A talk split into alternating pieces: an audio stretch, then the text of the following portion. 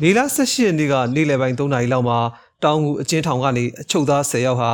ထောင်နဲ့ကက်လက်မှာရှိတဲ့တရားရုံးကိုရုံးထုတ်ဖို့ခေါ်လာတဲ့မှာတနက်လူပြီးထွက်ပြေးသွားခဲ့တာပါ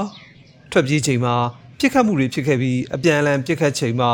အကျဉ်းသားတစ်ယောက်တေဆုံးခဲ့တယ်လို့စစ်ကောင်စီဘက်ကလည်းတစ်ယောက်တေဆုံးပြီးတစ်ယောက်ဒဏ်ရာရရှိခဲ့ပါတယ်ဒီကကလေးကဦးစီးဦးဆောင်ပြီးမှသူ့မိန်းမလည်းတည်တံကြတာချင်းမင်းတူတဲ့ဟိုဟာစင်ကိုတဲ့အဲ့၃ယောက်က ရဲကြီးက၆လုံးကြီးတနက်လက်ပြီးပြူပြူစောတိရှိတာတနက်ကြီးဘိုးတတိတလဲအဲ့စစ်တပ်ကကောင်နှင်းဆိုတဲ့ကောင်ကြီးကလက်ဒီကအဲ့မှာတနက်၃လက်ယူပြီးမှအမှပြစ်ပြီးမှဒီကောင်နဲ့ထွက်ပြေးသွားတယ်တုံး၁၁ယောက်ထွက်ပြေးတယ်တယောက်ကတေးတယ်နှစ်ယောက်ကရုံးမှလည်းပြေးသွားတယ်လို့ကြားတယ်ဒီတေးရတေးရတော့စလုံးလွတ်သွားတယ်တေးရထဲမှာမိန်းကလေးတယောက်ပါတယ်ယောက်ျားလေးနှစ်ယောက်ပါတယ်တေးရနဲ့ကဇင်ကိုနဲ့ချင်းမင်းတူဦးဆောင်ပြီးလွတ်သွားတယ်ထောင်းအပြင်မှာအပြင်မှာရုံးထုတ်ဟုတ်တယ်ထောင်းရဲ့အပြင်မှာ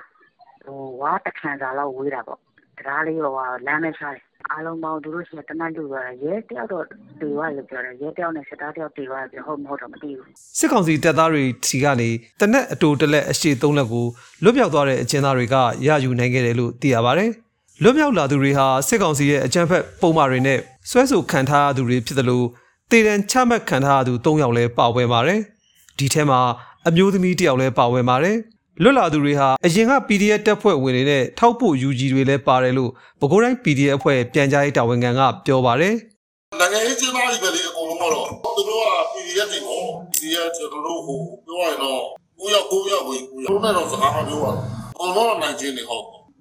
သူတို့တော့တော့ဆိုတော့ဒီစိတ်ခွန်အားနဲ့ပတ်သက်တဲ့အပိုင်းတွေပါညာတွေကတော့ကျွန်တော်တက်ဆိုင်အောင်ဝန်ကြီးဌာနတွေရဲ့စီစဉ်လိုက်မယ် PDF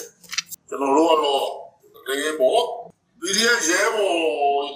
အနေနဲ့ကျွန်တော်တို့သိသလောက်ကတော့ပထမရောက်လောက်ရှိတယ်။ဒီရဲဘော်ဟောင်းတွေကိုကျွန်တော်တို့ယူကြည်တွေပဲနေကိုကိုကိုထောက်ဖို့နေတဲ့ယူကြည်ပေါ့အဲသူတို့ကျွန်တော်တို့ဆင်းကြုံပေးတာပေါ့ဗျာ။နော်တရားဖန်ဆီးခံထားတဲ့သူတွေပေါ့ဗျာ။မနော်မတရားတဲ့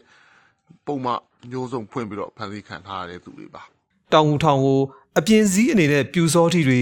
တက်ကြီးရွယ်ကိုအငိမ့်စားစစ်သားအိုကြီးတွေကိုအမြဲချထားပြီးရုံးထုံမှာတော့စစ်ကောင်စီခန့်ရဲတွေကလုံခြုံရေးယူတိုက်ပါပါတယ်။ စစ်တပ်ကအာဏာသိမ်းပြီးနောက်ပိုင်းထောင်တွေမှာစူပူတာထောင်ဖောက်ပြေးတာတွေမကြာခဏဆိုသလိုဖြစ်ပွားနေတာပါ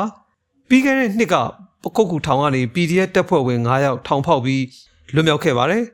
စစ်ကောင်စီလက်အောက်ခံ Telegram Channel မှာတော့အကြမ်းဖက်မှုတိုက်ဖျက်ရေးဥပဒေပုံမှန်တွေနဲ့တရားစွဲဆိုခံထားရတဲ့အမျိုးသား3ယောက်ထွက်ပြေးလွတ်မြောက်သွားပြီးအမျိုးသမီး1ယောက်အပါအဝင်ကြံ9ယောက်ကိုပြန်လည်ဖမ်းမိတယ်လို့ဖော်ပြထားပါတယ်ကျွန်တော်မင်းညိုပါခင်ဗျာ